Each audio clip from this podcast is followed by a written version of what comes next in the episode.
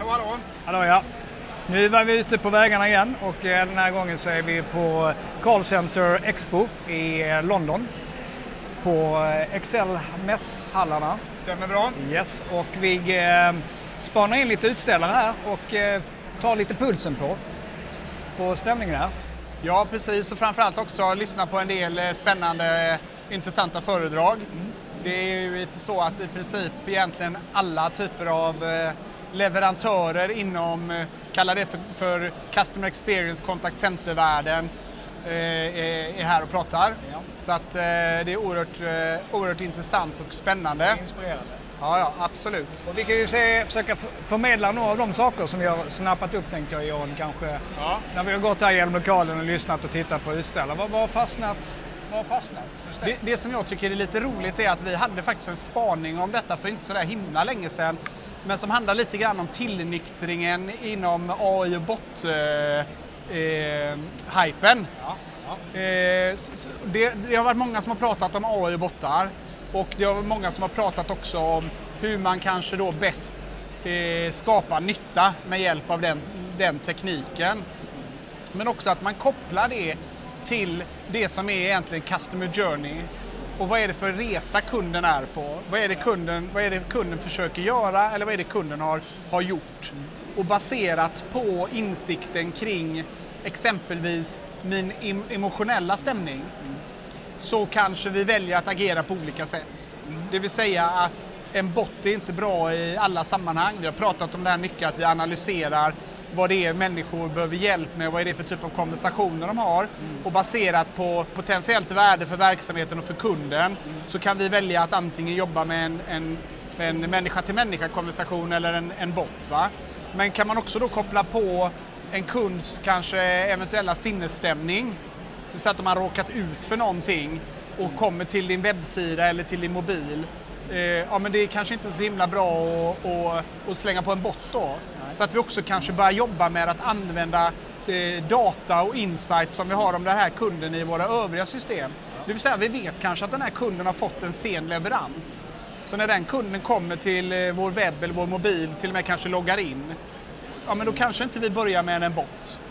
Därför att kunden, vi vet att kunden kanske redan är frustrerade för för eh, leveransen har varit försenad.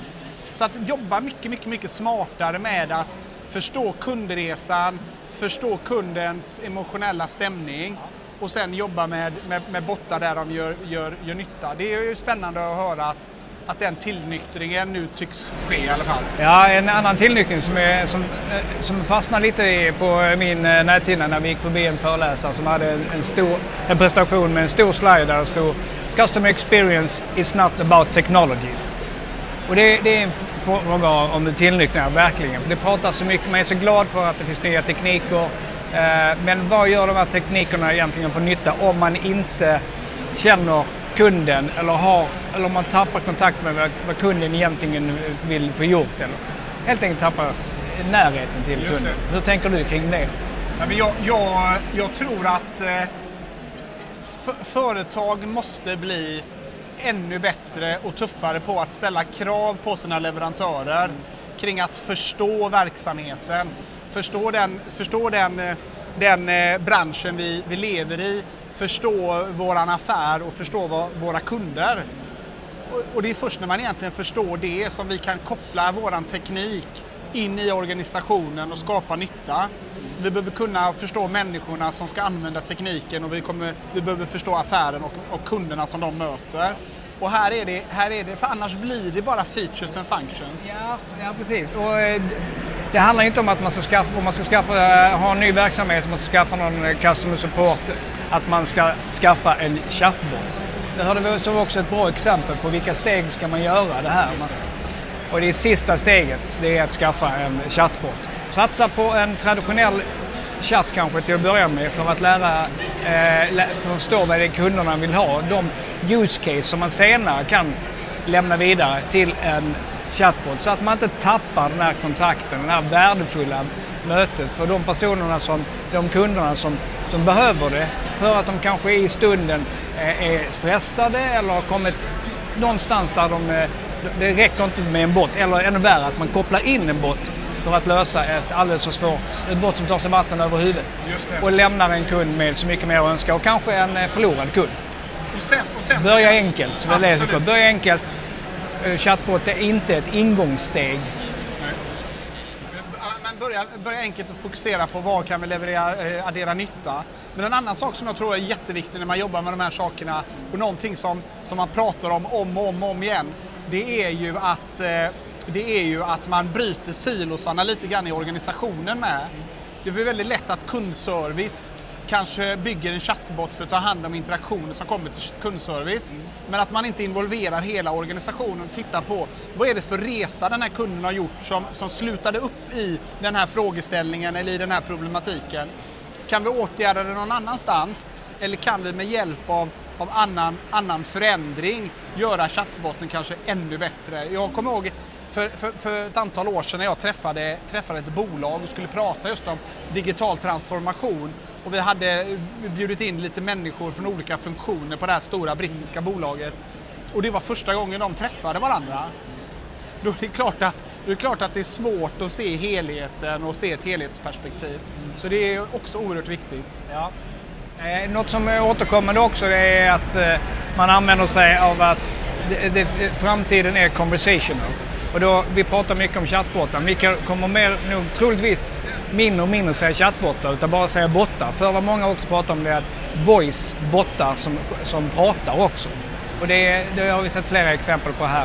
Hur eh, man, precis som man tar hand om ett processflöde i chatt, nu kan, eh, kan, kan göra det genom eh, att prata istället. Och det finns ju många exempel. Du har en eh, Alexa hemma tror jag. En av eh, föreläsarna berättade att marknaden i USA är 40 procent utav konsument, elektronikkonsumenter är beredda att investera i en, en, en Google Alexa eller liknande.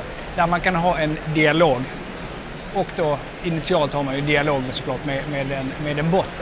Just det. Så det är ett väldigt intressant område som blir större och större. Så voice är absolut inte dött utan det är ju eh, voice i den formen av att den sköts av en bot, är den gemensamma nämnaren. Ja, just det. Och så samma sak där, att, att förstår du kundens resa, vad kunden gör och vill göra och vilken eh, emotionella stämning de är i, så kan du också anpassa vilka kanaler du öppnar upp för kunden. Du kanske öppnar upp den kanalen som är bäst lämpad för den typen av interaktionen.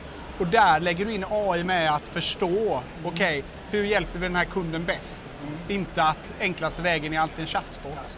Så att, eh, ja, det är oerhört spännande. Kul att höra att, eh, att eh, om vi får slå oss, klappa oss själva lite på bröstet, att vi i alla fall tänker rätt. Ja. Eh, vi ska titta vidare här. Vad hoppas du på att hitta mer här på mässan? Vad ska vi titta närmare på? Jag, jag, tror att, jag tror en annan del handlar väldigt mycket om hur kan man, hur kan man eh, hjälpa, hjälpa medarbetarna som möter kunderna i en kundservice med hjälp av AI. Därför att i och med att bottarna ändå kommer ta en viss del av de kanske enklare konversationerna så kommer det ställas högre krav på medarbetare Ja, kring kompetens, kring att hantera kunder som kanske har blivit lite misshandlade eller dåligt, eh, dåligt bemötta. Och hur kan vi då supportera medarbetare med hjälp av, av, av AI att förstå vad kunden vill göra och sen bakom kulisserna förse medarbetarna med, med kunskap och hjälp och, och, och processer och så vidare. Ja, eh, vi ska gå vidare här men vi får väl eh, också passa på att tacka vår eh, väldigt tillfälliga sponsor Versatile Structures som eh, står för den här fantastiska bakgrunden eh, och lät oss då eh, låna deras eh, showroom kan man säga Precis. för att kunna spela in det här. Tack så mycket på er. Ja, ha- så eh, är vi tillbaka. Ja, det är vi om, inom kort. Ja, härligt. Vi Tack ses. för att du lyssnade. Tack, hej. Hej.